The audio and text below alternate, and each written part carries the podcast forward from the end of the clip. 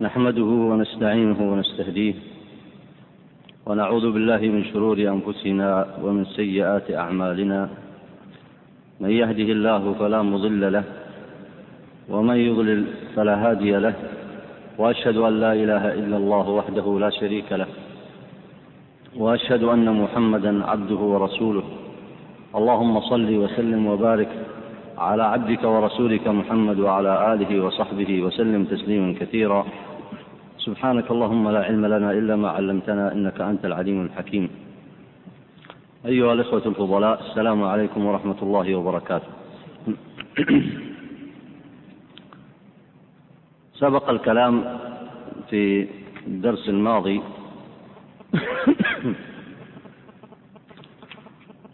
عن العالم تقع منه الزلة أو الغلطة. فيقع في أمر مبتدع. ثم يرجع عنه ويتبع الدليل الشرعي. وقد بين المصنف في هذا الأمر أنه لا يجوز نسبته حينئذ إلى الابتداع لأنه قد رجع عنه وعمل بمقتضى الدليل الشرعي. وقد ذكر لذلك أدلة وذكر لذلك أمثلة. أما هذا الدرس فهو القسم الثاني.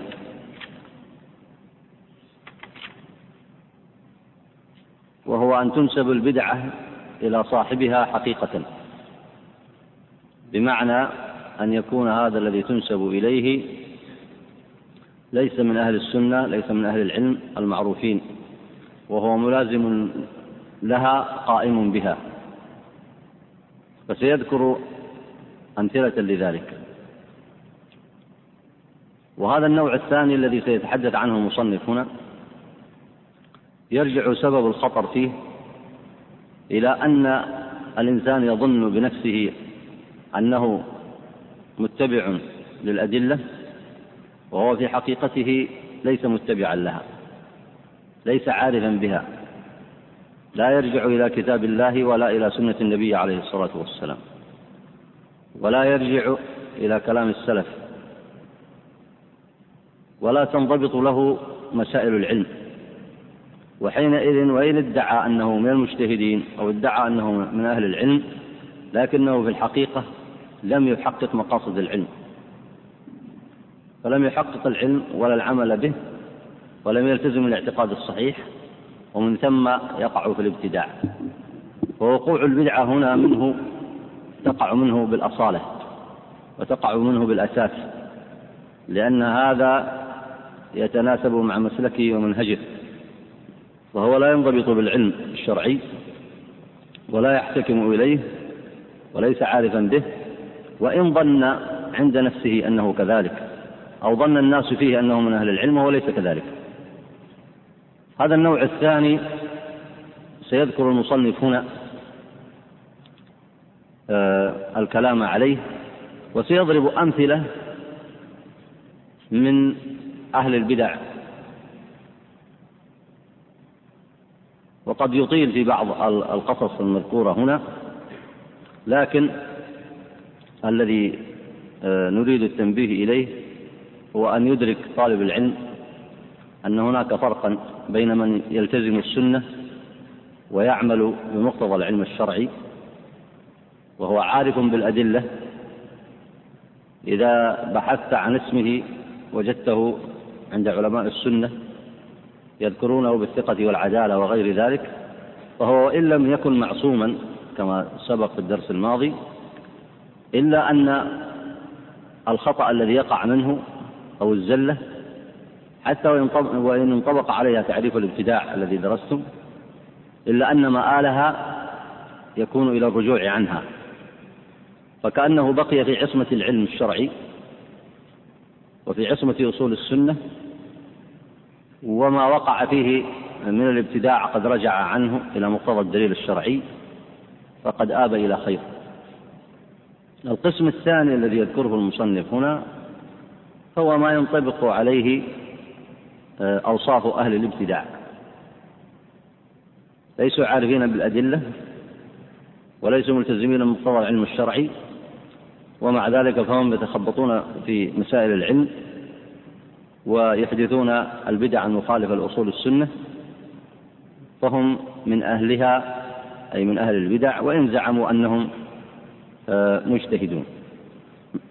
اقرأ إذا بارك الله فيك. الثاني. بسم الله الرحمن الرحيم. قال المصنف رحمه الله تعالى والثاني وأما إن لم يصح بمسبار العلم أنه من المجتهدين فهو الحري باستنباط ما خالف الشرع كما تقدم. إذ قد اجتمع له مع الجهل بقواعد الشرع الهوى الباعث عليه في الأصل وهو التبعية. إذ قد تحصل له مرتبة الإمامة والاقتداء وللنفس فيها من اللذة ما لا مزيد عليه. ولذلك يعسر خروج حب الرئاسة من القلب إذا انفرد. حتى قال الصوفية حب الرئاسة آخر ما يخرج من قلوب الصديقين فكيف إذا انضاف إليه الهوى من الأصل؟ وانضاف إلى هذين الأمرين دليل في ظنه شرعي على صحة ما ذهب إليه. فيتمكن الهوى من القلب تمكنا لا يمكن في العادة الانفكاك عنه وجرى منه مجرى الكلب من صاحبه كما جاء في حديث الفرق. فهذا النوع ظاهر أنه آثم في ابتداعه إثم من سن سنة سيئة. هذا الكلام من المصنف يريد أن يشير في هذا التحليل الدقيق يريد أن يشير إلى أمر خطير.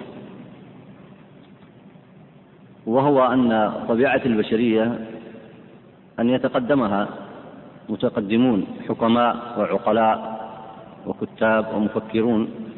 ما من أمة إلا وفيها ذلك. سواء في أمة الإسلام أو في أمم الكفر. وعادة يؤثر حب الرئاسة في الناس. بل إن حب الرئاسة من الأمور التي إذا تمكنت بالقلب وجد فيها من اللذة بحيث يفتتن بذلك. فقد يفتتن الإنسان العادي بالمال والدنيا فينصرف عن طاعة الله. ويفتتن آخر بالرئاسة سواء رئاسة علمية أو من أنواع الرئاسات الأخرى فيفتتن بسبب ذلك. فالطوائف مثلا قديما حديثا يبتلى من يتقدمها بمثل هذه الفتنة إلا من عصم الله. وقد يقال أنه لا بد للناس من من يتقدمهم ليعلمهم العلم ويقودهم بالكتاب والسنة. والجواب عند أهل السنة نعم لا بد من ذلك. لكن حصن الله عز وجل أهل السنة بالعلم والتقوى. وحصنهم باتباع ما كان عليه الصحابة رضوان الله عليهم. ولذلك لما نشأ العلم في الجيل الأول لا ريب أن هناك أئمة من أئمة العلم المعروفون. أن هناك أئمة من أئمة العلم المعروفين هم الذين كانوا يعلمون الناس. وهم الذين كانوا يتقدمونهم. فهؤلاء كانوا أهل سنة وخير وعلم وهداية وفضل. وكانوا أيضا عارفين بعلوم الشريعة ضابطين لها. وكان آخرون أيضا يتقدمونهم في الجهاد والدعوة وفي تطبيق الشريعة وفي أحكام الله تطبيق أحكام الله عز وجل. وكل ذلك كان على صدق واستقامة. ولذلك كانوا هم الصديقين. وسبب الصدق هنا أنه قد اجتمع في قلوبهم من الإيمان والعلم بالله عز وجل وتقديم الآخرة على الدنيا بحيث أنهم أنابوا إلى الله عز وجل فلهم البشرى. وهذا معروف في شأن من تأمل أحوال الصحابة رضوان الله عليهم. فإنهم لما مكن الله لهم الدنيا لم تجدهم قد تكالبوا عليها. ولما مكن الله لهم في العلم كانوا هم المتواضعين. وهم المتأدبين وهم أهل الخلق الفاضل. فهذه سمة من سمات الجيل الأول. هذه الرئاسات لما كثرت في المتأخرين اختلف الناس فمنهم من فتنته ومنهم من كان له حسن اقتداء بما كان في حال الصحابة رضوان الله عليهم. فمن كان أبعد عن حال الصحابة والاقتداء بهم فإنه لا يؤمن سواء كانت الرئاسة دينية أو كانت دنيوية فإنه لا تؤمن عليه الفتنة. فالمصنف هنا يشير إلى ثلاثة أمور أهلكت أهل الابتداع والأهواء. الأمر الأول حب الرئاسة. فتجد مثلا طائفة من الطوائف والطوائف كثيرة قديما وحديثا تجد بعض أئمة البدع فيها ما أهلكهم في ذلك إلا حب الرئاسة. وقد يجدون في اللذة في رئاساتهم كما يجد أهل السلطان الدنيوي في رئاساتهم. ولهذا طبعا أمثلة كثيرة لا نطيل بها. يعني كثير مثلا من الذين آه، يدعون الولاية أو يتقدمون الناس في آه، أو يجمعونهم عليهم على البدع أو غيرهم هؤلاء تجد لهم مصالح كثيرة عند الناس. إما عن طريق الشفاعات وإما عن طريق الأموال وإما عن طريق التقدم عليهم بأي أسلوب من الأساليب والتميز عليهم. مع أن هذه العادة لم تكن عند السلف رضوان الله عليهم. أما في الصحابة فظاهر. حتى في الأئمة الأربعة. فقد كانوا هؤلاء هم الذين يكرمون أتباعهم. ويهتمون بطلاب العلم ولا يأخذون من الناس شيئا. وكثر فيهم الاحتساب وغير ذلك. وأما الأمر الثاني الذي يشير إليه المصنف هنا وهو الهوى. والهوى آفة من الآفات. بمعنى أن الإنسان لو أراد أن يكون في رأيه الذي جاء به متبوعا بحيث يعتبر هذا الرأي لا ينسب إلا إليه فقد ظن بنفسه ظنا سيئا.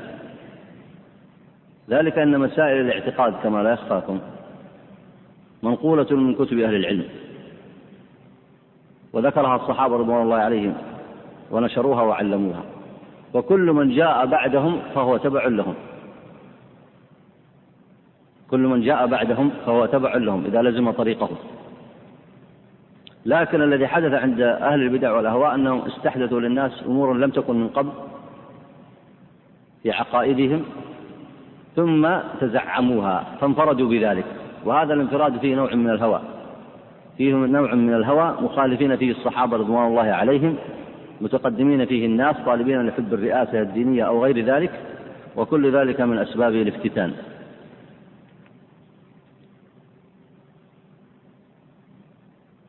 فذكر المصنف إذن هنا مرتبة الإمامة والاقتداء والرئاسة ثم ذكر أيضا ما يصنع الهوى وذكر فيه الحديث السابق الذي تم شرحه وتسمية النبي صلى الله عليه وسلم الهوى أو تشبيهه بداء الكلب. فإنه داء إذا دخل في الإنسان قد لا يخرج منه إلا بعسر شديد وهو من المرض الذي شبه بمثل هذا النوع من من من الأمراض للدليل على خطورتها. من يمكن إضافة أمر آخر هنا وهو عدم معرفتهم للعلم أصلا وهذا يكثر في أهل الأهواء والبدع. فتجد استدلالاتهم مثلا إذا أراد أن يستدل على أمر من الأمور تجد استدلالاتهم إما بدليل عقلي وإلا بحديث موضوع وإلا بحديث ضعيف. وسيذكر المصنف الآن مثال فتأملوا ما فيه فستجدون أن الذي اعتقده ودعا إليه ليس لم يذكر له دليلا بحال من الأحوال. لم يذكر له دليلا رحمك الله لم يذكر له دليلا بحال من الأحوال. ولذلك حق على أهل السنة وعلى أهل العلم طلاب العلم أن يعتمد الأدلة الشرعية وأن يرجع إلى الكتب التي تتضمن الأدلة الشرعية. من كتاب الله عز وجل وأحاديث النبي عليه الصلاة والسلام وكتب التفسير والحديث والفقه كلام العلماء المعتبرين الذين يرجعون إلى كتاب الله وسنة نبيه صلى الله عليه وسلم.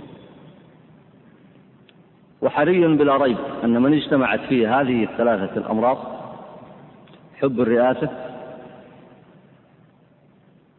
والأمر الثاني الهوى والأمر الثالث عدم الرجوع إلى الأدلة الشرعية في كتبها الصحيحة حق حري به أن يهلك ويهلك والعياذ بالله. وسيذكر المصنف مثالا هنا وقبل أن آه، نقرأ هذا المثال نشير إلى أمور منها أن هذا المثال طويل الذي ذكره. فذكر قصتين القصة الأولى لصاحب كتاب العواصم والقواصم وهو ابن العربي المالكي. وفرق بين ابن العربي آه، ابن عربي الصوفي آه، الملحد المشهور وبين ابن العربي المالكي مع أن اللفظ مع أن اللفظين متقاربين لكن ابن العربي هو صاحب كتاب العواصم القواصم وصاحب كتاب أحكام القرآن في التفسير وهو من أتباع المذهب المالكي.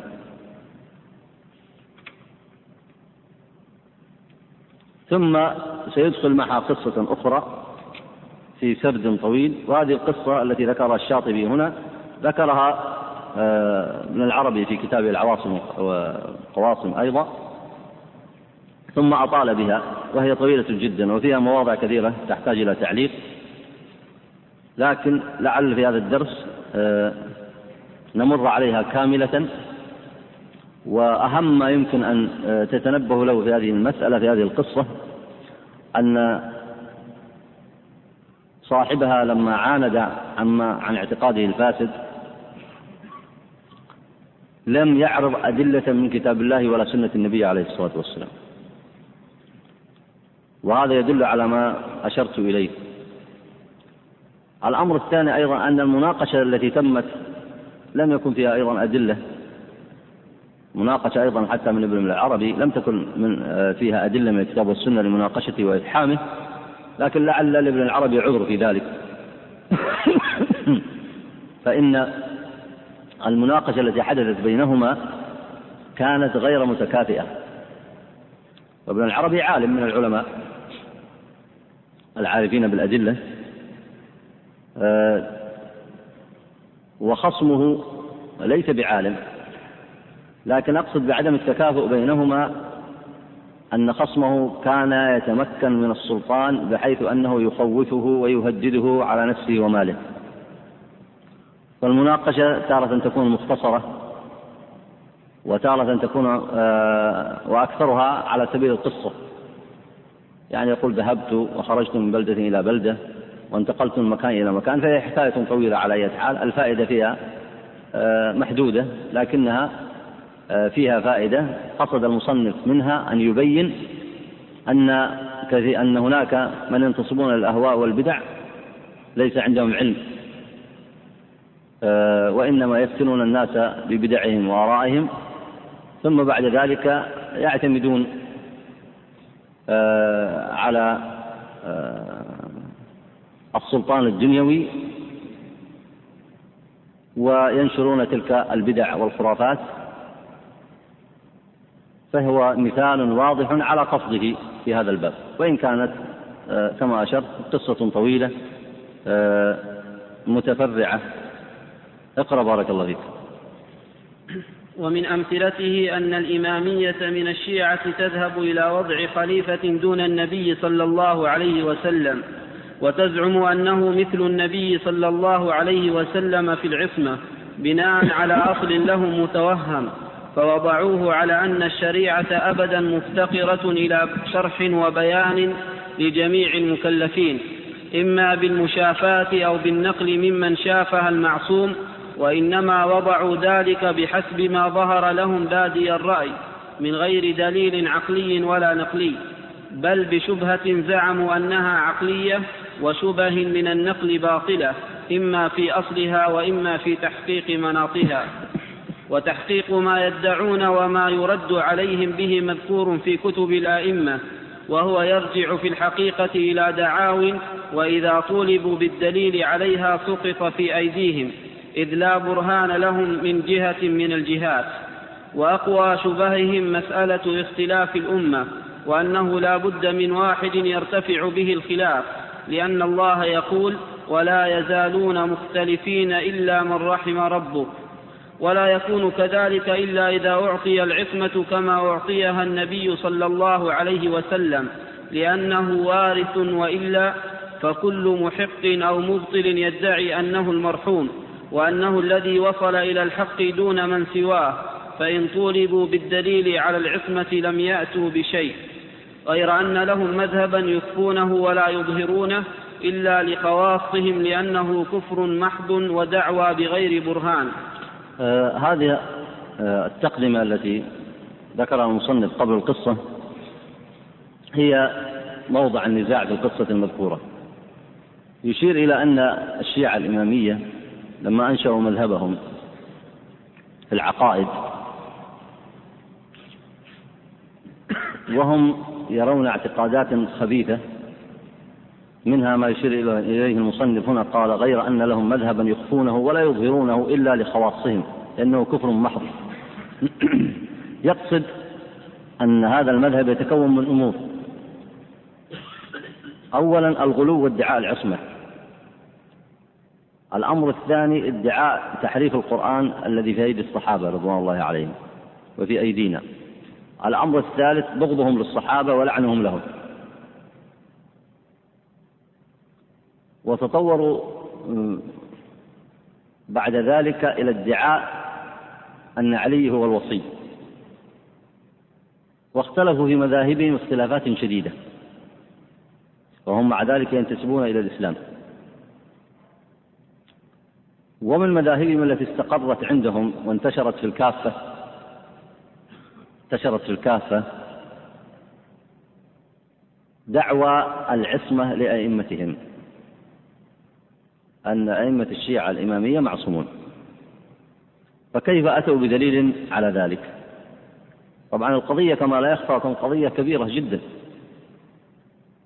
فأين الدليل عليها؟ فلم يأتوا بدليل من كتاب ولا من سنة. فنظروا إلى مشكلة يعيشها كثير من الناس بلا ريب وهي أن هناك خلافا في بعض المسائل التي تكون بين المسلمين. فقالوا أن هذا الخلاف لا يمكن أن يرفع إلا إذا كان هناك إمام معصوم بعد النبي عليه الصلاة والسلام. وأئمتنا هم المقدمون بعد علي رضي الله عنه فهم المعصومون. فإذا عصمنا الواحد منهم فإن قوله هو الذي يرفع الخلاف. يعني ما نسأله عن الدليل لأن الدليل يمكن يختلف في الدليل فنحن ما نسأله عن الدليل. نسأله ماذا تقول أنت؟ في هذه العقيدة فيقول أقول كذا يقول خلاص قوله هو القول. ماذا تقول في أمر من أمور الغيب؟ قال أقول كذا قوله هو الحق. ماذا تقول في حكم من الشرع؟ قال أقول كذا قالوا قوله هو الشرع. ما تسألوا عن الدليل لأنك إذا سألت عن الدليل تختلف أنتم في الدليل. فإذا لا بد أن يكون هو معصوم يسأل عن قوله بغير دليل. هذا المذهب الخبيث الغريب هذا جاءوا به ليتناسب مع أصل اعتقادهم في الشرك. وهو عبادة غير الله عز وجل. ولا يمكن أن تعبد الطواغيت من دون الله إلا إذا اعتقد فيها العصمة. إذا جئت لإنسان فاعتقدت فيه العصمة وأنك تتبعه بغير دليل إلا أنه معصوم فهذه عبادة الاتباع عبادة. وأنت ممكن تتبع اليوم في أمر عقائدي وغدا في أمر غيبي وبعد غد في أمر شرعي فأنت إذا متبع. ولا تدري حجة لك عند الله إلا أن هذا معصوم. فأنت تتبعه لأنه معصوم وتصرف له عبادة الاتباع. لا تملك عند الله دليلا. لا تقول أنه رسول حتى تقول اللهم إني اتبعت رسولك. وإنما هو رجل بعد النبي محمد صلى الله عليه وسلم. فأنت تتبعه بدعوى العصمة. هذه الشبهة أجاب عنها أهل السنة جوابا آه، قويا. ولولا ضيق الوقت لناقشتها معكم وتركتكم أنتم تجيبون عليها. لأنها شبهة آه، سهل الجواب عليها. وحقيق على طلاب العلم أن يتأملوا ويتفقهوا في الدين. هذه الشبهة أهلكت ملايين من البشر. فأتباع الشيعة الإمامية أمام هذه الشبهة يتهالكون في عبادة غير الله عز وجل بدعوى أن هذا الإمام أو ذلك الإمام معصوم. وانتقل منها جزء آخر لبعض الطوائف نشير إليه بحسب الوقت. أهل السنة ناقشوا هذه الشبهة. قالوا لماذا أنتم جعلتموه معصوما؟ بحيث لم تجعلوه ناقلا مبلغا عن الرسول. لما لم تجعلوه مبلغا عن النبي عليه الصلاة والسلام. مثل أي إنسان من الصحابة. يبلغ عن النبي عليه الصلاة والسلام فيأتينا بماذا؟ بالبيان بالعلم. فنعمل به.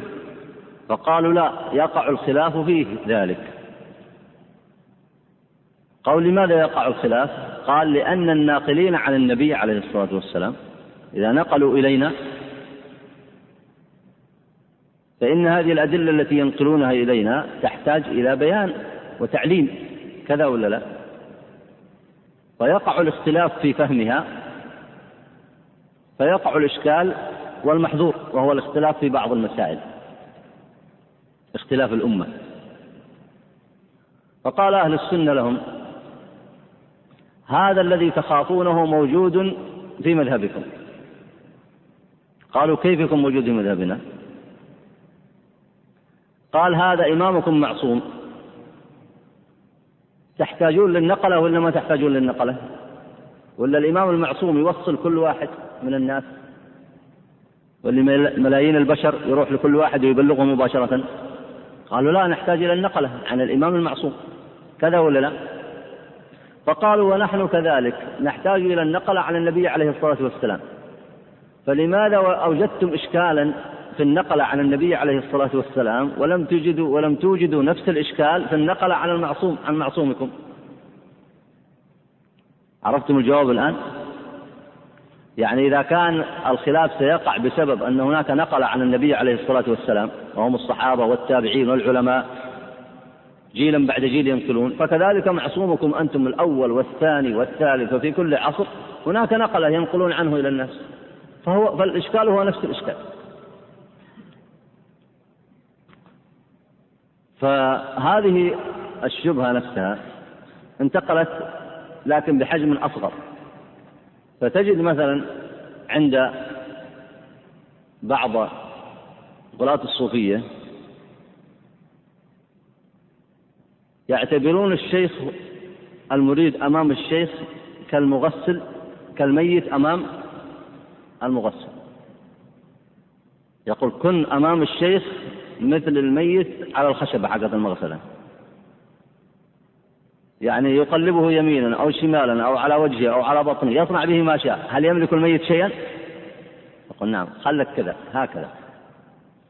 ومن اعترض انطرد.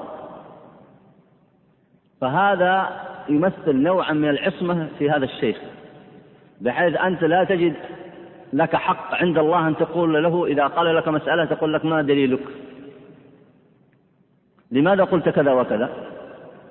لماذا تقول هذا من اعتقاد أهل السنة وهذا ليس من اعتقاد أهل السنة؟ لماذا تقول هذا الحديث ضعيف وهذا الحديث صحيح؟ لماذا تقول هذا حلال وهذا حرام؟ أعطني دليل هذا ليس لك حق فيه. فهو يتضمن أمرين يتضمن ادعاء نوع من العصمة في هذا الشيخ وأيضا يسلب المتعلم إرادته لأنك أنت عبد لله أو عبد للشيخ. أنت عبد لله ولا يجوز أن تتبع هذا الشيخ إلا مقتضى الدليل الشرعي وإلا لا؟ ولا تتبعه لأنه فلان؟ إن اتبعته لأنه فلان فما اتقيت الله عز وجل. هذا منهج واضح عند أهل السنة. وإنما تتبعه لأنه يقول قال الله وقال رسوله. وظهر لك من الدليل الذي يقوله ومن حاله ومن صدقه ومن رجوعه إلى الأدلة ما عرفت به أنه الحق. فإذا جاء في مسألة لم يذكر لها دليل فلك الحق أن تقول له ما دليلك وإذا جاء في مسألة وجاء فيها بقول غريب مبني على حديث غير معروف تقول له أين ذكر هذا الحديث؟ وإذا جاء بمسألة تخالف إجماعا من إجماع الصحابة والسلف تقول له من أين جئت بهذا القول؟ هذا من حقك أن تقول هذا. ولذلك الرسول يتبع الناس لا لذاته عليه الصلاة والسلام. والرسل عليهم الصلاة والسلام ما تتبعه لأنه موسى أو لأنه فلان أو لأنه محمد لا. أن تتبعه لأنه رسول من عند الله. يبلغك الحق الذي جاء به من عند الله. هذه العقيدة التي بنى عليها أهل السنة منهجهم في عبادة الله عز وجل وتلقي العلم عن الله عز وجل. سواء العلم الذي هو القرآن المتلو أو كان هو الوحي الموحى به إلى النبي عليه الصلاة والسلام وهو السنة. ف مسألة دعوة العصمة عند الشيعة الإمامية أو الغلو في التصوف في التعامل مع الشيخ هذا مسلك لم ينشأ عليه الصحابة ولم يربى عليه الصحابة وليس من عقيدة أهل السنة. سيذكر المصنف الآن هذه آه، القصة مع ابن عربي ونكتفي بشرح ما ذكره الشاطبي في أولها ونشير إلى ما يمكن الإشارة إليه حسب آه، الوقت ونكتفي بقراءتها كاملة كما ذكرها الشاطبي رحمه الله. اقرأ بارك الله قال ابن العربي في كتاب العواصم خرجت من بلادي على الفطرة فلم ألق في طريقي إلا مهتديا حتى بلغت هذه الطائفة يعني الإمامية والباطنية من فرق الشيعة. فهي أول بدعة لقيت فلو فجأتني بدعة مشبهة كالقول بالمخلوق أو نفي الصفات أو الإرجاء لم آمن. بارك الله فيك. لاحظ القواصم هنا دافع فيه عن الصحابة. ورد التهم عنهم أي ابن العربي هذا تعريف بكتابه القواصم. وذكر ما حل بالمسلمين من المصائب. آه، قوله هنا كالقرآن بالمخلوق كالقول بالمخلوق يقصد آه، خلق القرآن. يعني هو يريد أن يقول أنني كنت في أول عمري فلو جاءتني من الشبه البارزة أخشى أن تكون أثرت علي. فيقول فلو فجأتني بدعة كالقول بخلق القرآن أو نفي الصفات التي تقول بها المعتزلة وتأثر بها الأشاعرة أو الإرجاء يقول لم آمن أي أن أتأثر بها. أي نعم. فلما رأيت حماقاتهم وأقمت على حذر وترددت فيها على أقوام أهل عقائد سليمة ولبثت بينهم ثمانية أشهر. هذا لاحظ أيضا معي هنا أنه مع صغر سنه لو أتتني يقول شبه من الشبه المشهورة أخشى أنها تؤثر علي. لكن وجدت قوما هم الإمامية والباطنية من فرق الشيعة هم أضعف الناس في التشبيه أصلا ما عندهم ليس عندهم أثارة من علم يعني لو وجد معتزلي أو وجد واحد متأثر بالإرجاء قد يؤثر عليه. لكن يقول وجدت هؤلاء حمقى يقول فلما رأيت حماقاتهم. ومع ذلك تجهز. ماذا صنع؟ قال ترددت على أقوام من أهل السنة أهل عقائد سليمة. أي في المكان الذي انتقل فيه بحث له عن أصحاب وعن أهل سنة ولبثت بينهم ثمانية أشهر. طبعا واضح أن رحلته هنا كانت لغرض هو لم يذكره. قد يكون لغرض علمي وقد يكون لغرض آخر. المهم أنه ساح في البلاد فوقع في هذه الورطة التي سيذكرها لكم. أي نعم.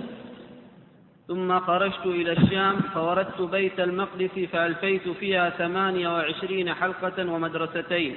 مدرسة الشافعية بباب الأخبار وأخرى للحنفية وكان فيها من رؤوس العلماء ورؤوس المبتدعة ومن أحبار اليهود والنصارى كثير فوعيت العلم وناظرت كل طائفة بحضرة شيخنا أبي بكر الفهري وغيره من أهل السنة. آه شيخه هذا آه هو العلامة محمد بن الوليد الفهري الأندلسي الطرطوشي شيخ المالكية توفي سنة 520 ثم نزلت ثم نزلت إلى الساحل لأغراض وكان مملوءا من هذه النحل الباطنية والإمامية فطفت في مدن الساحل لتلك الأغراض نحوا من خمسة أشهر ونزلت عكا وكان رأس الإمامية بها حينئذ أبو الفتح العكي. وهو من أهل السنة شيخ يقال له الفقيه الديبقي. لا وبها وبها. وبها من أهل السنة شيخ يقال له الفقيه الديبقي. عكا على بحر الشام. يعني هي من من آه، أعمال الأردن. فيقصد أنه حول الساحل هنا في تلك الفترة آه، كانت مملوءة من النحل الباطنية والإمامية. وما زالت كذلك حتى في هذا العصر. أي نعم. فاجتمعت بأبي الفتح في مجلسه وأنا ابن, وأنا ابن العشرين فلما رآني صغير السن كثير العلم متدربا ولي بي وفيهم لعمر الله وإن كانوا على باطل انطباع وإنصاف وإقرار بالفضل إذا ظهر فكان لا يفارقني ويساومني الجدال ولا يفاترني. فتكلمت على مذهب الإمامية والقول بالتعميم من المعصوم بما يطول ذكره. بارك الله فيك. طبعا هنا هو في هذا السن كأنهم طمعوا فيه. وجدوه ذكيا متدربا على مسائل العلم. فكأنهم طمعوا فيه أن يؤثروا عليه ويجعلوه متبعا لمذهبهم. ففي أول الطريق يبدو أنهم تحفوا به وأكرموه وأظهروا لهم من الصفات وأظهروا لهم من الصفات الحسنة بحيث أنه انغر فقال ما قال. قال وإن كانوا على باطل فيهم انطباعا وإنصافا وإقرار بالفضل إذا ظهر. مع أن المذكور عند المؤرخين كما تذكرون أن أنهم فيهم من الكذب والفجور ما لا يعلمه إلا الله.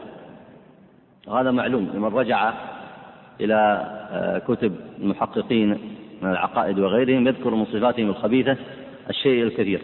لكنهم أرادوا آه، أن يأخذوه من ذات اليمين وأن يأتوه على استحياء ويؤثروا عليه. أي نعم. قوله هنا التعميم اكتب التعليم. فتكلمت على مذهب الإمامية والقول بالتعميم بالتعليم. أي أن المعصوم هو الذي يعلم الناس.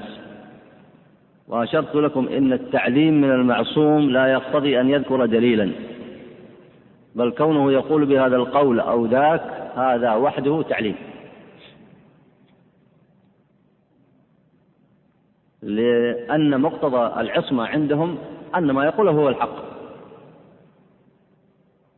بخلاف أهل السنة فإنه ليس أحد بعد رسول الله صلى الله عليه وسلم يكون قوله يكون قوله مجرد قوله هو الحق.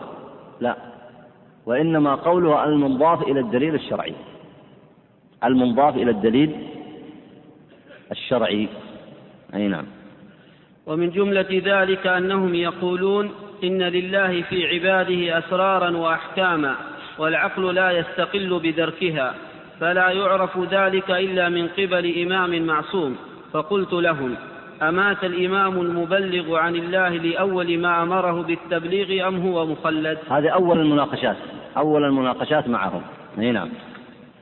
فقال لي مات وليس هذا بمذهبه ولكنه تستر معي. فقلت له هل خلفه أحد؟ فقال خلفه وصيه علي. طيب ليش قال هنا ولكنه تستر؟ إذا ما هو مذهب الإمامية في الإمام؟ أنه ما يموت. طيب وين يروح؟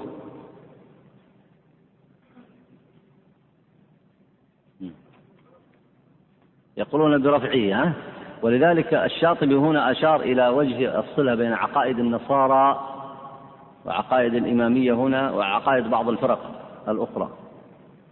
هم يقولون في الحقيقة أن المعصوم يحل فيه ذات الله. وهو شبيه بقول غلاة التصوف بوحدة الوجود. شبيه بقول أو هو قولهم قول غلاة الصوفية بوحدة الوجود. أي نعم. قلت فهل قضى بالحق وأنفذه؟ قال لم يتمكن لغلبة المعاند. قلت فهل أنفذه حين قدر؟ قال منعته التقية ولم تفارقه إلى الموت إلا أنها كانت تقوى تارة وتضعف أخرى. فلم يمكن إلا المداراة لئلا ينفتح عليه أبواب الاختلال. قلت وهذه المداراة حق أم لا؟ فقال باطل أباحته الضرورة. قلت فأين العصمة؟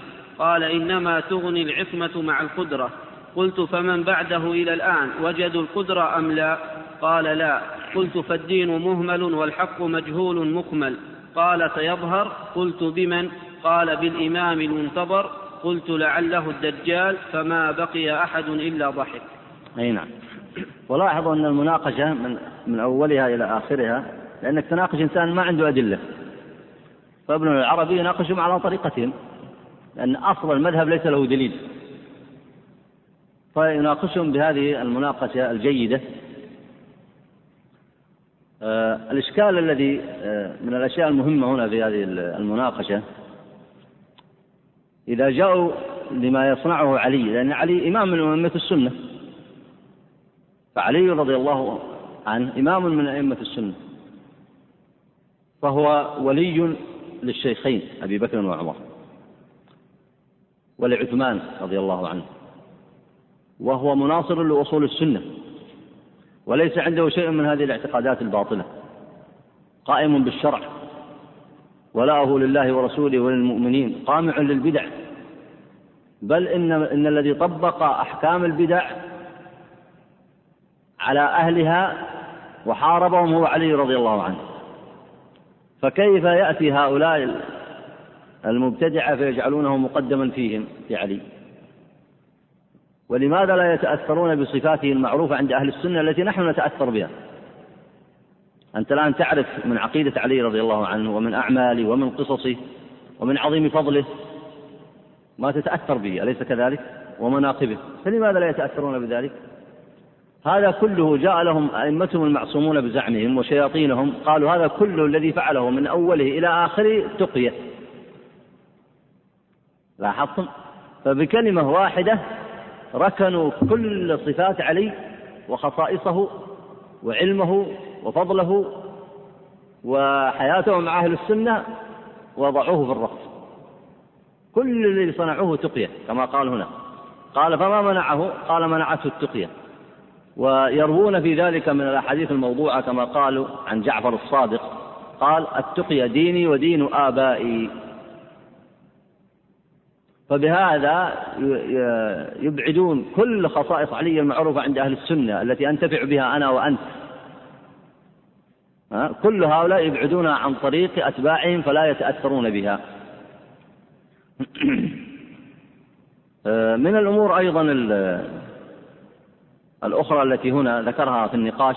المرحلة الأولى في المناقشة انتهت عند قوله وهذه المداراة حق أم لا؟ فقال باطل أباحته الضرورة. قال فأين العصمة؟ لأن العصمة فيها معنى القدرة. العصمة فيها معنى القدرة. يعني لما تقول فلان معصوم قوله يرفع الاختلاف. إذا لابد أن تعطيه قدرة على إنفاذ الحق. طيب إذا لم يستطع ينفذ الحق يقع الاختلاف ولا لا؟ طيب إيش استفدنا من دعواك العصمة؟ ولذلك قال له إنما تغني العصمة مع القدرة. إذا أنتم تقولون لا قدرة له فكيف تقولون له عصمة؟ أي نعم.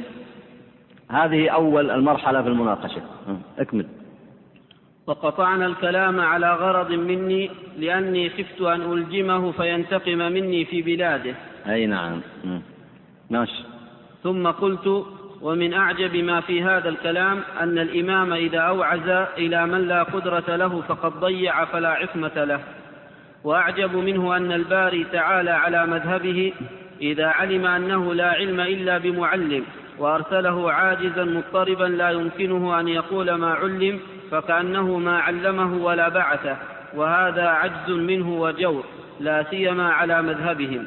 وهذا هو ال ال الذي يدل عليه أن الله عز وجل لما أرسل نبيه محمدا صلى الله عليه وسلم أراده أن يكون معصوما أو لا؟ لأنه يبلغ عن الله. فلا بد أن يكون معصوما. وكذلك أراد الله عز وجل. فجعل نبيه معصوما. لما جعل الله عز وجل نبيه عليه الصلاة والسلام معصوما جعله مقتدرا أم لا؟ جعله مقتدرا. قد يقول قائل حتى وهو في شعاب مكة يطارده المشركون حتى وهو في الشعب مقتدر عليه الصلاة والسلام. والجواب نقول نعم. لأن الله عز وجل قال والله يعصمك من الناس فلا يستطيعون قتله. عليه الصلاة والسلام. ولا يخافهم ولا يخاف أن يقتلوهم أن يقتلوه. فهو يبلغ من الحق ما شاء. يبلغ من الحق ما شاء الله له أن يبلغ. بحيث أنه لا يذهب الحق عن الناس. يبلغهم إياه سواء في مكة في حال الضعف أو في المدينة حتى واليهود والمنافقون يخططون لقتله لقتله عليه الصلاة والسلام. فكان النبي صلى الله عليه وسلم معصوم مقتدر على تبليغ الحق. يعني بعد الثلاث سنوات السنوات السرية في الدعوة النبي في, في, في, في تلك الدعوة الجهرية كان يجهر بالحق ويبلغه للناس وكل ما نزل من الله يبلغه للناس للكافة للعالمين إن هو إلا ذكر للعالمين. ويتناقله الناس عنه فلا يضيع من هذا الدين شيء. فهو إذا معصوم مقتدر بإذن الله عز وجل. فإذا جئت تدعي لأحد العصمة بزعمه ها فأين القدرة كما قالوا؟ ثم أيضا حتى لو ادعى إنسان القدرة فأي فمن أين له أصلا العصمة؟ لو قال الإنسان أنا مقتدر مثلا صاحب سلطان قوي مثل بعض أئمة البدع عنده عنده سلطان. يقول أنا مقتدر. أقول أبلغ كل ما أريد. لكن نقول أيضا الذي تريد أن تبلغه من أين جئت به؟ فإذا قال من عند النبي عليه الصلاة والسلام منقول من الكتاب والسنة فنقول فالناس يسألونه عن الكتاب والسنة أين الدليل؟ وإن قال لا كما قالوا آه المعصوم آه يصل إلى الله فيأخذ منه مباشرة قلنا كذبت. ليس هذا معلوم من اعتقاد المسلمين بل هو من اعتقاد المشركين وأهل الأهواء. أي نعم. فرأوا من الكلام ما لم يمكنهم أن يقوموا معه بقائمة وشاع الحديث فرأى رئيس الباطنية المسمين بالإسماعيلية أن يجتمع معي. لاحظوا هنا قال وشاع الحديث يعني كأن القصة قد انتشرت. وعلموا أن رجلا من أهل السنة جاء إلى ديارهم إلى ساحلهم.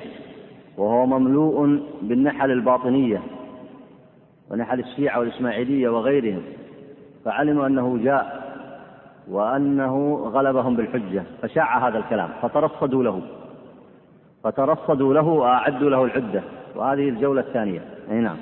فجاءني أبو الفتح إلى مجلس الفقيه الديبقي وقال إن رئيس الإسماعيلية رغب في الكلام معك فقلت أنا مشغول.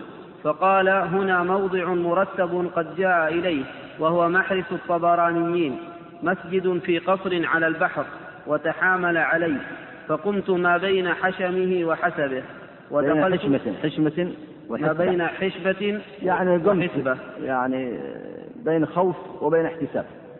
يريد أن يحتسب كما احتسب في المرة الأولى والمرة الثانية آه، خايف من الموضوع لأن الآن مع مع الرئيس.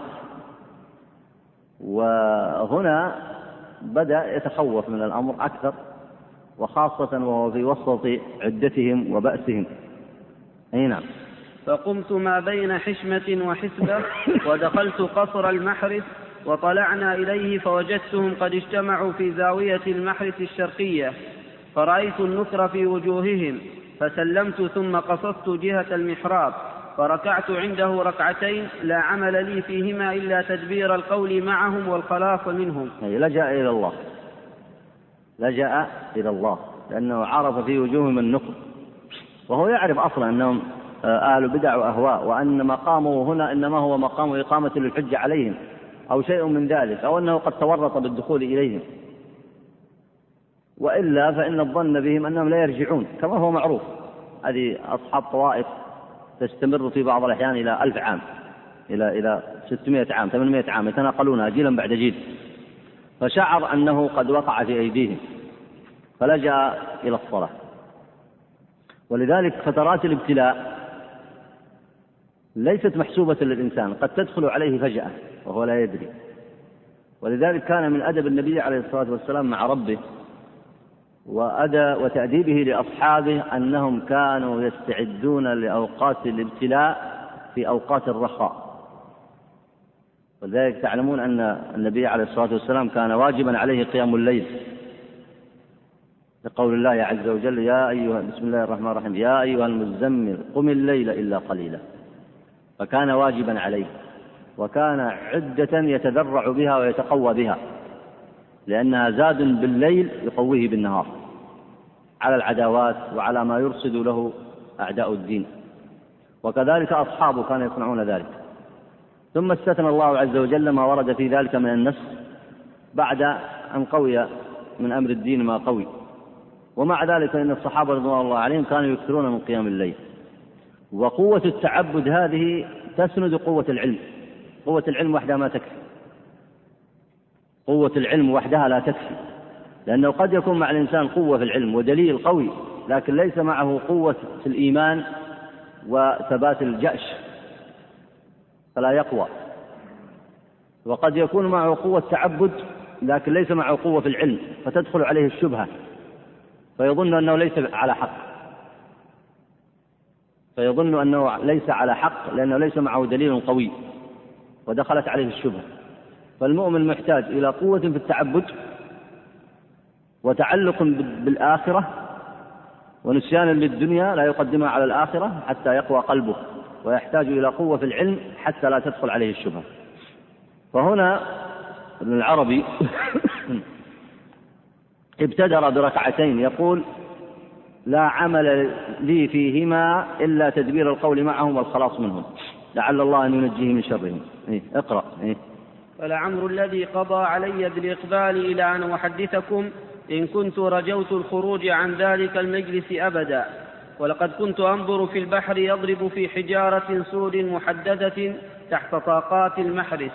فأقول هذا قبري الذي يدفنونني فيه وأنشد في سري. ألا هل إلى الدنيا معاد وهل لنا؟ سوى البحر قبر أو سوى الماء أكفان وهي كانت الشدة الرابعة من شدائد عمري التي أنقذني الله منها. فلما سلمت استقبلتهم وسألتهم عن أحوالهم عادة وقد اجتمعت إلي نفسي وقلت أشرف ميتة في هذا في أشرف موطن أناضل فيه عن الدين. فقال لي أبو الفتح وأشار إلى فتى حسن الوجه هذا سيد الطائفة ومقدمها. فدعوت له فسكت فبدرني وقال قد بلغتني مجالستك وانتهى إلي كلامك. وأنت تقول قال الله وفعل. فأي شيء هو الله الذي تدعو إليه؟ هنا يقول آه هذا سيد الطائفة ومقدمها, ومقدمها. فدعوت له. لعل له لعله دعا له بالهداية. أي نعم. أكمل. وأنت تقول قال الله وفعل. فأي شيء هو الله الذي تدعو إليه؟ أخبرني وأخرج عن هذه المفرقة التي جازت لك على هذه الطائفة الضعيفة وقد احتد نفسا وامتلأ غيظا وجثى على ركبتيه ولم أشك أنه لا يتم الكلام إلا وقد اختطفني أصحابه قبل الجواب. فعمدت بتوفيق الله إلى كنانتي واستخرجت منها سهما أصاب حبة قلبه فسقط لليدين والفم. وشرح اي نعم إيه، اقرأ بارك الله. وشرح ذلك أن الإمام أبا بكر أحمد بن إبراهيم الإسماعيلي الحافظ الجرجاني قال كنت أبغض الناس في من يقرأ علم الكلام فدخلت يوما إلى الري ودخلت جامعها أول دخولي واستقبلت سارية أركع عندها وإذا بجواري رجلان يتذاكران علم الكلام فتطيرت بهما وقلت أول ما, ما دخلت هذا البلد سمعت فيه ما أكره وجعلت أخفف الصلاة حتى أبعد عنهما فعلق بي من قولهما أن هؤلاء الباطنية أسخف خلق الله عقولا وينبغي للنحرير ألا يتكلف لهم دليلا وليكن يطالبهم بلما فلا قبل لهم بها وسلمت مسرعا. أي نعم. هنا يقول في أول كلامه فعمدت بتوفيق الله إلى كنانتي واستخرجت منها سهما. يقصد أنه رجع إلى معلوماته السابقة وكيف يجيب على هذا السؤال الذي عرضه عليه رئيس الإسماعيلية الذي قال له هنا وأنت تقول قال الله وفعل فأي شيء هو الله الذي تدعو إليه؟ يعني يسأله عن إلهه فأي شيء هو الله؟ فهنا لما أراد أن يجيب الجواب بحسب اعتقاد الباطنية لو أنه أجابه بجواب الحق في ذلك قال كما ذكر هنا أنهم سيقتلونه فهنا يقول تذكرت قصة هذا يقول استخرجت منها سهما أي استخرجت معلومة من المعلومات القديمة من جعبتي فوجدت أنها تدل آه، تخلصني منهم ثم عاد يذكر لكم القصة القديمة التي في ذهنه في ذهن من؟ في ذهن ابن العربي سيذكر لكم قصة الآن ويقول إنني استفدت من هذه القصة. القصة لمن؟ القصة للإمام أبي بكر أحمد بن إبراهيم الإسماعيلي الحافظ. الإسماعيلي هذا آه، نسبا لا مذهبا. مثل الإسماعيلي البخاري صاحب الكتاب صاحب فالأول رئيس الباطنية الإسماعيلي مذهبا. اللي هم الإسماعيلية الباطنية. وهذا الإسماعيلي الحافظ الجرجاني الإسماعيلي نسبا. صنف كتابا على صحيح البخاري وكان محدثا حسن الانتقاد والاعتقاد. توفي سنة 371 سيذكر قصة آه، أبي بكر أحمد بن إبراهيم وكيف استفاد منها. أي نعم. وشاء الله بعد ذلك أن كشف رجل من الإسماعيلية القناع في الإلحاد وجعل يكاتب وشمكير الأمير يدعوه إليه ويقول له إني لا أقبل دين محمد إلا بالمعجزة فإن أظهرتموها رجعنا إليكم. هذا الشمكير هذا أو وشمكير بالواو هو ابن زيار ملك الري استولى على جرجان وتوفي سنة 357 آه، طبعا لا يقبل دين النبي صلى الله عليه وسلم إلا بالمعجزة المعجزات كثيرة ومنها كما هو معلوم القرآن. وانتصار النبي عليه الصلاة والسلام وإظهاره للحق وشريعته وخلقه وسائر وسائر معجزاته المذكورة كل هذا من المعجزات. وفصلها العلماء كما ذكرها البيهقي في دلائل النبوة. قول ابن قول آه، أبي بكر أحمد بن إبراهيم آه، فتطيرت بهما. يقصد أنني كرهت ما سمعت. وأنتم تعلمون الحديث الطيرة شرك كما في الحديث. والنبي صلى الله عليه وسلم نهى عنها. النبي عليه الصلاة والسلام نهى عن الطيرة كما في حديث أبي هريرة لا طيرة وخيرها الفأل رواه البخاري. فقوله هنا فتطيرت بهما لعله يقصد كرهت ذلك. وإلا فإن التطير ليس بجائز كما هو معلوم. أي نعم. وانجرت الحال إلى أن اختاروا منهم رجلا له دهاء ومنة. فورد منة منة أي قوة. فورد على وشمكير رسولا فقال له إنك أمير ومن شأن الأمراء والملوك أن تتخصص عن العوام ولا تقلد في عقيدتها وإنما حقهم أن يفحصوا عن البراهين. فقال وشمكير اختر رجلا من أهل مملكتي ولا أنتدب للمناظرة بنفسي فيناظرك بين يدي فقال له الملحد أختار أبا بكر الإسماعيلي لعلمه بأنه ليس من أهل علم التوحيد وإنما كان إماما في الحديث ولكن كان وشمكير بعامية فيه يعتقد أنه أعلم أهل الأرض بأنواع العلوم. فقال وشمكير ذلك مرادي فإنه رجل جيد. يعني هنا لما قاله اختر فقال له الملحد أختار أبا بكر الإسماعيلي. أي أبو بكر أحمد بن إبراهيم الحافظ. يعرف أنه إمام في الحديث ولكن ليس دارسا للفلسفة. هنا المصنف بعض الأحيان يطلق على علم الكلام علم التوحيد. وقد مضى مناقشة المصنف في هذا. فكان الأولى هنا أن يسمي علم الكلام حتى لا تختلط العبارات. فهنا آه، الملحد عرف أن آه، الحافظ المحدث له علم بالحديث لكن ليس له معرفة بالفلسفة. فظن أنه يستطيع أن يغلبه بالفلسفة فاختاره. أي نعم. فأرسل إلى أبي بكر الإسماعيلي بجرجان ليرحل إليه إلى غزنة. جرجان هذه مدينة بطبرستان وغزنة مدينة عظيمة بخرسان أي نعم. فلم يبق من العلماء أحد إلا يئس من الدين. وقال سيبهت الإسماعيلي الكافر مذهبا الإسماعيلي الحافظ مذهبا. يعني خافوا على آه الإسماعيلي الحافظ وهو أبو بكر أحمد بن إبراهيم آه من أهل الحديث خافوا عليه أن ينقطع في مناظرة الإسماعيلي الكافر. أي نعم. ولم يمكنهم أن يقولوا للملك إنه لا علم عنده بذلك لئلا يتهمهم فلجأوا إلى الله في نصر دينه. يعني يتهمهم بأنهم يحسدونه. أي نعم. قال الإسماعيلي الحافظ فلما جاءني البريد وأخذت في المسير وتدانت لي الأرض قلت إنا لله وكيف أناظر فيما لا أدري؟ هل أتبرأ عند الملك وأرشده إلى من يحسن الجدل ويعلم بحجج الله على دينه؟ ندمت على ما سلف من عمري ولم أنظر في شيء من علم الكلام.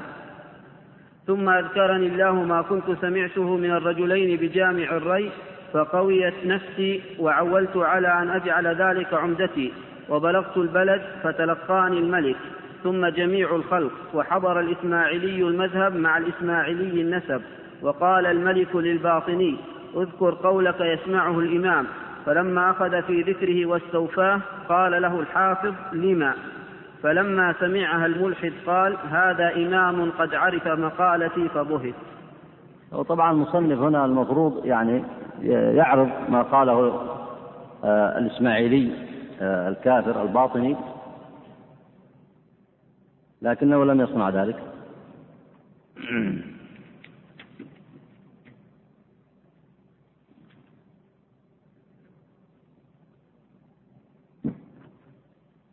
أي نعم.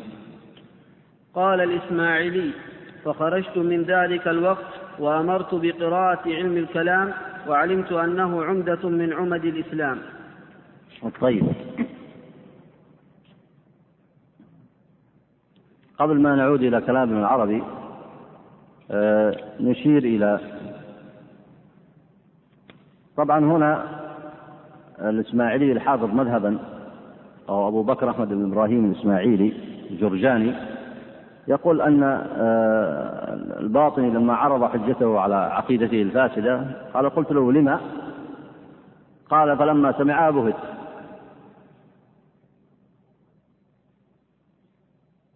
ثم ربط كلامه هذا لأنها فائدة من فوائد علم الكلام.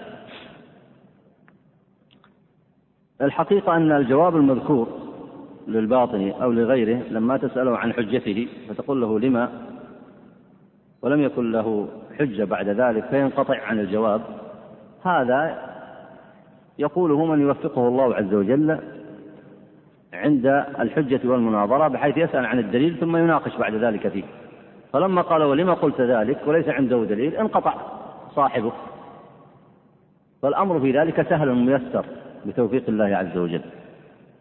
وليس بالضرورة أن يربط هذه النتيجة التي شعر بها أنه انتصر على الإسماعيلي الكافر أن يربطها بعلم الكلام.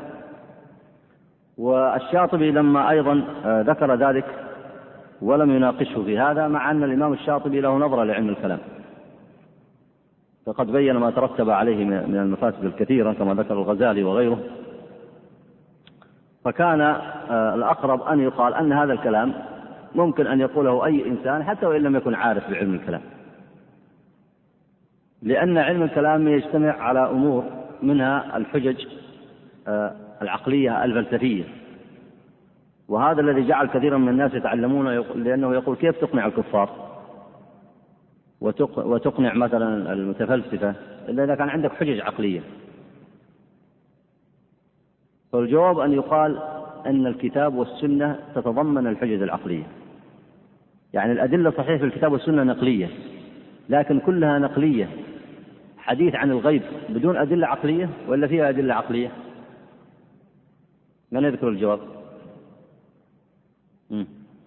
فيها أدلة عقلية؟ تذكر مثال؟ مثلا الآن آه، أخبار الغيب البعث. مذكور عندنا بالأدلة النقلية وهو من أمور الغيب. لكن مذكور أدلة عقلية عليه ولا لا؟ مذكور أدلة عقلية أو لا؟ تفضل. أي نعم. فمذكور أدلة عقلية كثيرة. تفضل. أي نعم. مم. الحجة على إثبات أن الكون لا بد له من إله واحد قادر متصرف مدبر. هي حجة آه، نقلية مذكورة في آية من آيات الله. لكن في نفس الوقت هي حجة عقلية. لو كان فيهما آلهة إلا الله لفسدتا. يعني لو كان إلهين لو كان فيهما مقصود من الضمير يرجع إلى أي شيء؟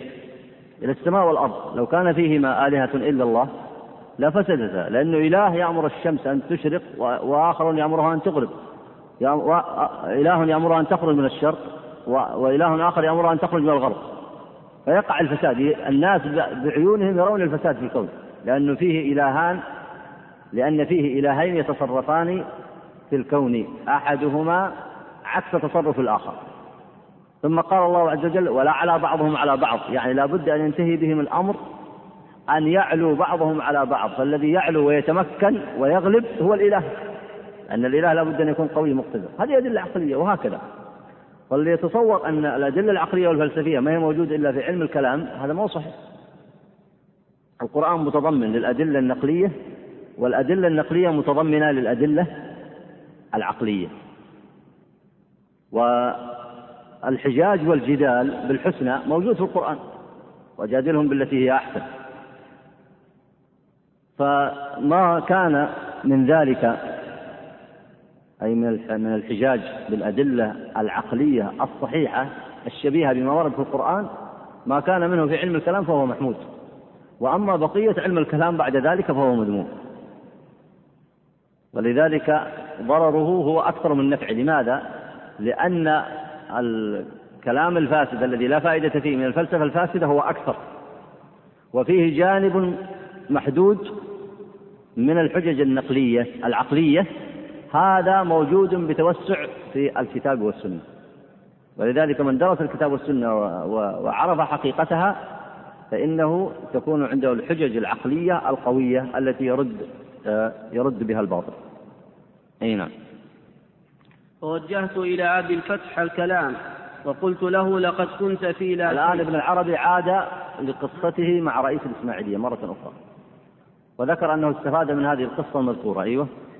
قال ابن العربي وحين انتهى به الأمر إلى ذلك المقام قلت إن كان في الأجل نفس فهذا شبيه بيوم الإسماعيلي. فوجهت إلى أبي الفتح الكلام وقلت له لقد كنت في لا شيء ولو خرجت من عكا قبل أن أجتمع بهذا ولو خرجت من عكا قبل أن أجتمع بهذا العالم ما رحلت إلا عريا عن نادرة الأيام. أنظر إلى حدقه بالكلام ومعرفته. انظر انظر إلى حدقه انظر إلى حدقه بالكلام ومعرفته حيث قال لي أي شيء هو الله. يعني هو يريد يمدحه قبل ما يعترض عليه. يعني كأنه خاف أنه إذا اعترض عليه قبل أن يمدحه أن آه، يسيء إليه وأن يبطش به رئيس الإسماعيلية. فيريد أن يمدحه أولا ثم يعترض عليه. أي نعم. انظر إلى حذقه بالكلام ومعرفته حيث قال لي أي شيء هو الله ولا يسأل ولا يسأل بمثل هذا إلا مثله. ولكن بقيت بقيت ها هنا نكتة لا بد من أن نأخذها اليوم عنه وتكون ضيافتنا عنده. لما قلت أي شيء هو الله فاقتصرت من حروف الاستفهام على أي وتركت الهمزة وهل وكيف وأن وكم وما. هي أيضا من ثواني حروف الاستفهام وعدلت عن اللام من حروفه. وهذا سؤال ثان عن حكمة ثانية وهو أن لأي معنيين في الاستفهام فأي المعنيين قصدت بها؟ ولما سألت بحرف محتمل؟ ولم تسأل بحرف مصرح؟ ولم تسأل, ولم تسأل بحرف مصرح بمعنى واحد. وهل وقع ذلك بغير علم ولا قصد حكمة؟ أم بقصد حكمة فبينها لنا. فما هو إلا أن افتتحت هذا الكلام وانبسطت فيه وهو يتغير. حتى اصفر آخرا من الوجل كما اسود أولا من الحفظ ورجع أحد أصحابه الذي كان عن يمينه إلى آخر كان بجانبه وقال له ما هذا الصبي إلا بحر زاخر من العلم ما رأينا مثله قط وهم ما رأوا واحدا به رمق إلا أهلكوه لأن الدولة كانت لهم ولولا مكاننا من رفعة دولة ملك الشام وأن والي عكا كان يحظينا ما تخلصت منه في العادة أبدا. يعني رجل حظي أي ذا حظوة. فصحح هذه إذا هي غلط صح. أي نعم. وحين سمعت تلك الكلمة من إعظامي قلت هذا مجلس عظيم وكلام طويل يفتقر إلى تفصيل ولكن نتواعد إلى يوم آخر.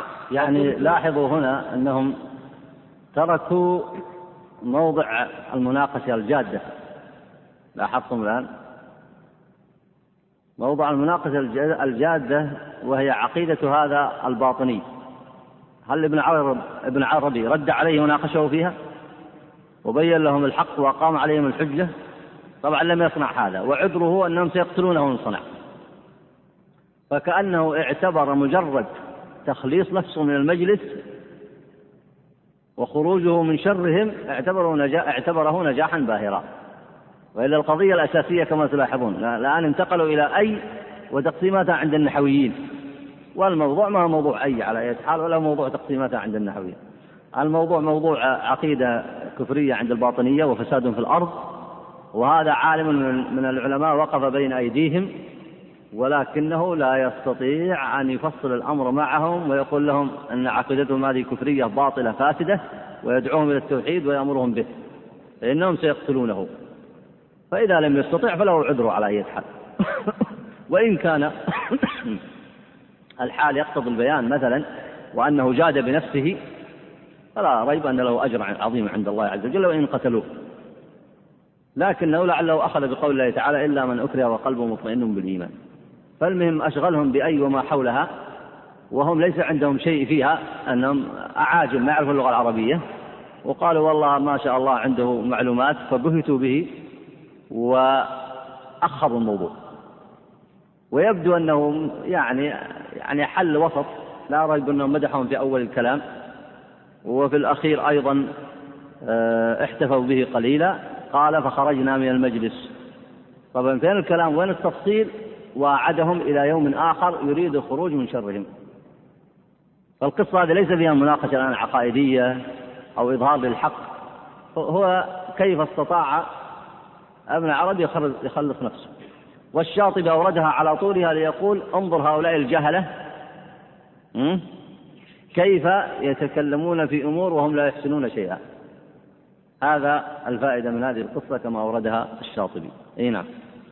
وحين سمعت تلك الكلمة من إعظامي قلت هذا مجلس عظيم وكلام طويل يفتقر إلى تفصيل ولكن نتواعد إلى يوم آخر. وقمت وخرجت فقاموا كلهم معي وقالوا لا بد أن تبقى قليلا. فقلت لا وأسرعت حافيا وخرجت على الباب أعدو حتى أشرفت على قارعة الطريق وبقيت هناك مبشرا نفسي بالحياة حتى خرجوا بعدي وأخرجوا لي لا يكي. لا يكي حذاؤه لأنه نسي حذاؤه من شدة الفزع. يعني ظلمه آه، يريدون أن يهرقوا دمه فتحايل عليهم حتى اكتفى شرهم. نعم. ولبستها ومشيت معهم متضاحكا. متضاحكا يعني ولا يضحك رغبة نفسية لكن يتضاحك لعل المجلس ينتهي بأي صورة من الصور فينجيه الله. أي نعم. ووعدوني بمجلس آخر فلم أوف لهم وخفت وفاتي في وفائي. أي نعم. قال ابن العربي وقد كان قال لي أصحابنا النصرية بالمسجد الأقصى إن شيخنا أبا الفتح نصر بن إبراهيم المقدسي اجتمع برئيس من الشيعة. هذا نصر آه، آه، بن إبراهيم فقيه شافعي محدث تفقه على الدارمي وغيره. إي نعم وكان صاحب زهد وتقشف توفي سنة 490 فشكى إليه فساد الخلق وأن هذا لا يصلح إلا بخروج الإمام المنتظر. فقال نصر هل لخروجه ميقات أم لا؟ قال الشيعي نعم. قال له أبو الفتح ومعلوم هو أو مجهول. قال معلوم. قال نصر ومتى يكون قال إذا فسد الخلق. قال أبو الفتح فهل تحبسونه عن الخلق وقد فسد جميعهم إلا أنتم؟ فلو فسدتم لخرج.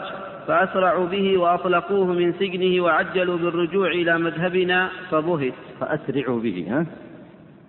فأسرع. فأسرعوا به وأطلقوه من سجنه وعجلوه بالرجوع إلى مذهبنا فبهت. إذا من غير الهمزة. مم. لا بالهمزة فأسرعوا به أي نعم. طيب أكمل وأظنه سمع عن شيخه أبي الفتح سليمان بن أيوب الرازي الزاهد. انتهى ما حكاه ابن العربي وغيره وفيه غني لمن عرج عن تعرف أصولهم وفي أثناء الكتاب منه أمثلة كثيرة. يعني يقصد أنهم متناقضون لا يفقهون حتى ما يقولون. انظر مثلا في هذه القصة مناقشة نصر بن إبراهيم. قالوا أين الإمام المنتظر؟ فقال فقال أولا شكوا له فساد الخلق. يشكون له فساد الخلق. ثم قالوا لا يخرج الإمام المنتظر إلا إذا فسد الخلق. طيب أنتم تقولون تشكون فساد الخلق فلماذا لا يخرج؟ وأنتم تعتقدون بأهل السنة كذا وكذا تعتقدون أنهم أن الخلق قد فسدوا إلا أنتم. وهو يقول افسدوا أنتم أيضا. يصير الجميع والعياذ بالله يصيرون مفسدين فيخرج الإمام المنتظر. فهي تصلح للنوادر والحكايات أو الطرف هذه الحقيقة آه، الأمثلة التي جاء بها المصنف هنا. يريد أن يبين أن هؤلاء لا عقول لهم وأنهم آه، يهرفون بما لا يعرفون ويتناقضون في ذلك ولذلك ذكر هذه آه، القصص. أما أبو الفتح سليمان بن أيوب الرازي الزاهد فهو سليم بن أيوب ما هو سليمان؟ سليم بن أيوب بن سليم الرازي الشافعي آه، فقيه محدث مقرئ سكن بالشام مرابطا وكان ناشرا للعلم محتسب توفي سنة 447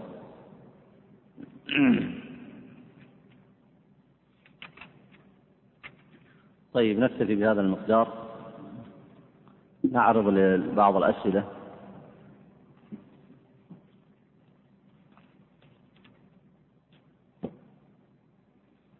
هذا إعلان عن درس للشيخ لفضيلة الشيخ محمد الشنقيطي في مسجد الملك سعود. وعنوان الدرس شرح سنن الترمذي وموعده كل آه كل يوم أربعاء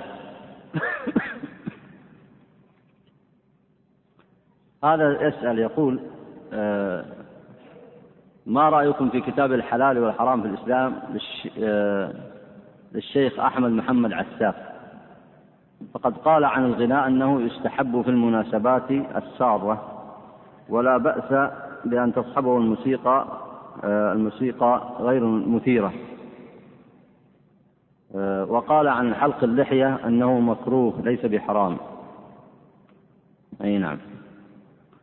آه، الجواب عن الأول أنا ما قرأت هذا الكتاب لكن الذي يقول أن الغناء يستحب في المناسبات سواء صاحب الكتاب أو غيره فيسأل عن قصده بالغناء. فإن كان الغناء الذي معه المعازف كالذي يسمعه أكثر الناس فهذا لا يجوز لا في المناسبات ولا في غيرها. الغناء الذي معه المعازف هذا محرم وإن كان الكلام في حد ذاته طيب. وأما إذا كان الكلام فاحشا فمحرم لأمرين محرم للكلام الفاحش ومحرم للمعازف. أما تحريم الكلام الفاحش فمعلوم لأن الله عز وجل قال عن أهل الإيمان والذين هم عن اللغو معرضون. ونهى عن الفحشاء. وأما المعازف فهي محرمة بحديث بصريح قول النبي عليه الصلاة والسلام. كما هو في صحيح البخاري. أن النبي عليه الصلاة والسلام قال ستستحل أمتي سيكون قوم من أمتي يستحلون الحرى والحرير والمعازف. فذكر أن المعازف محرمة وأن قوما من هذه الأمة أقوام من هذه الأمة يستحلونها أي يجعلونها حلالا وقد حرمها الله ورسوله صلى الله عليه وسلم. وأيضا حتى بغير المعازف فإن الغناء آه، إنما يكون في بعض الأحوال. ويستثنى الدف للنساء في حال الزواج والعيد وعند قدوم الغائب وبعض المناسبات التي ذكرت في السنة بشرط أن يكون بالدف فقط للنساء ليس معه آلة من آلات المعازف. وأما حلق اللحية فالأحاديث متواترة بذلك كثيرة. النبي عليه الصلاة والسلام أمر بإعفائها. أعفوا اللحى. والأحاديث في ذلك كثيرة جدا ومما يحسن التنبيه إليه أن الأئمة الأربعة كلهم يقولون بتحريم حلقها. وهذا مما لا يفهمه كثير من المتفقهة الذين يتبعون هذه المذاهب ويظنون أنها سنة. فالأئمة الأربعة كلهم يقولون بتحريم أبي حنيفة والشافعي وأحمد ومالك يقولون بتحريم حلق اللحية. لأن الأدلة في ذلك صريحة كما هو معلوم.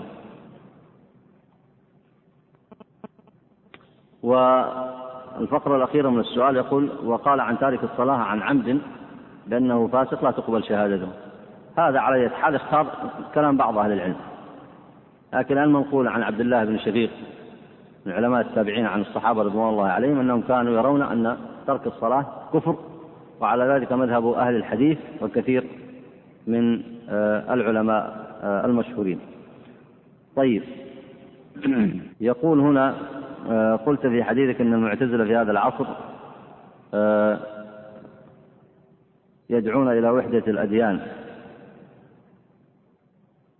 يعني أقصد الذين تأثروا بالفكر المعتزلي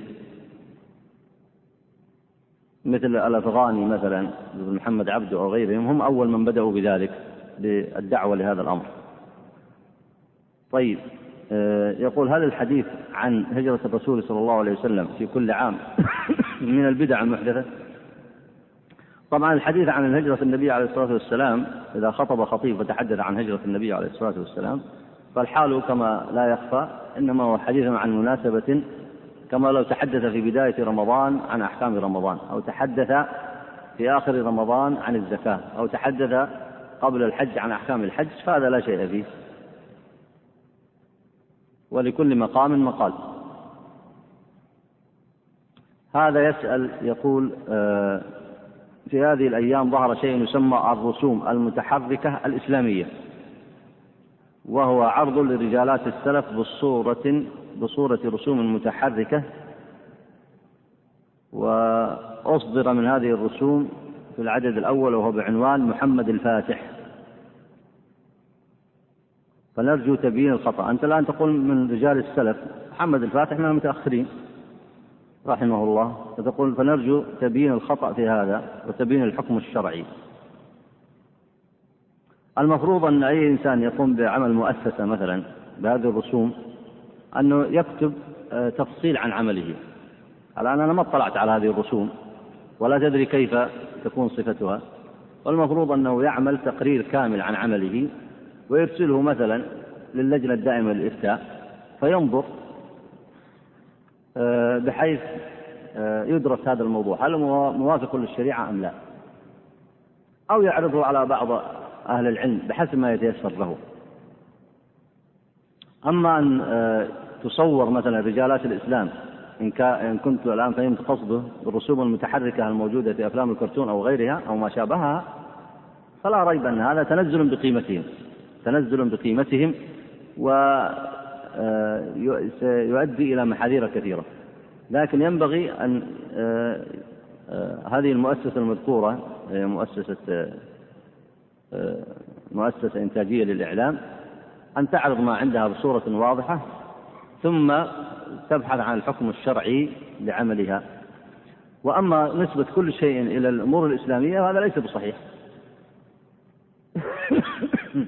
يعني كان يقال عن بعض العوام الجهلة أنه مثلا إذا عمل مكان للتفصيل الخياطة ومعذرة لأن هذا مما ينهى عنه فيكتب كل شيء فصلناه تفصيلا.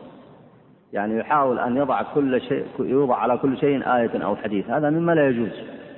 وكل ما إنسان بدا له في مشروع قال المشروع الإسلامي أو المشروع كذا أو بألفاظ المدح هذا ما ينبغي.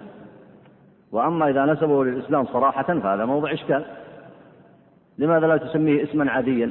ليش تربط كل شيء وكل مشروع مادي تربطه بوصف آه، بوصف مدح؟ لأن هذا فيه تزكية فأما إذا ربطته بوصف الإسلام هذا أيضا فيه خطورة عظيمة. أي نعم. أصلا لا يجوز. والأمر الثاني آه، الأصل أن الإنسان إذا قام بأي عمل أن ينظر في حقيقته ويسأل عن الحكم الشرعي فيه. أي نعم. يقول هناك ملاحظة وهي أننا أحيانا نكتب بعض الفوائد في الكتاب ثم نوجه سؤال وأحيانا لا نفهم السؤال أو لا نسمع السؤال بسبب كتابة الملاحظات.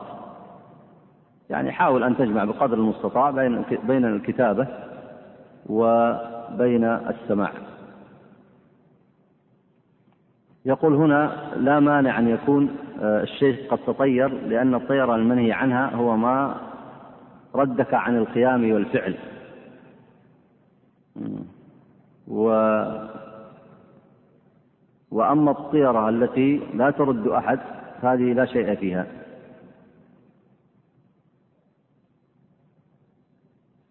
لكن إذا كانت هذه الطيرة ترد الإنسان فقد وقع في الشرك والشيخ لم يرجع ولم يقع في الشرك. وأنا ما قلت أن الشيخ وقع في الشرك.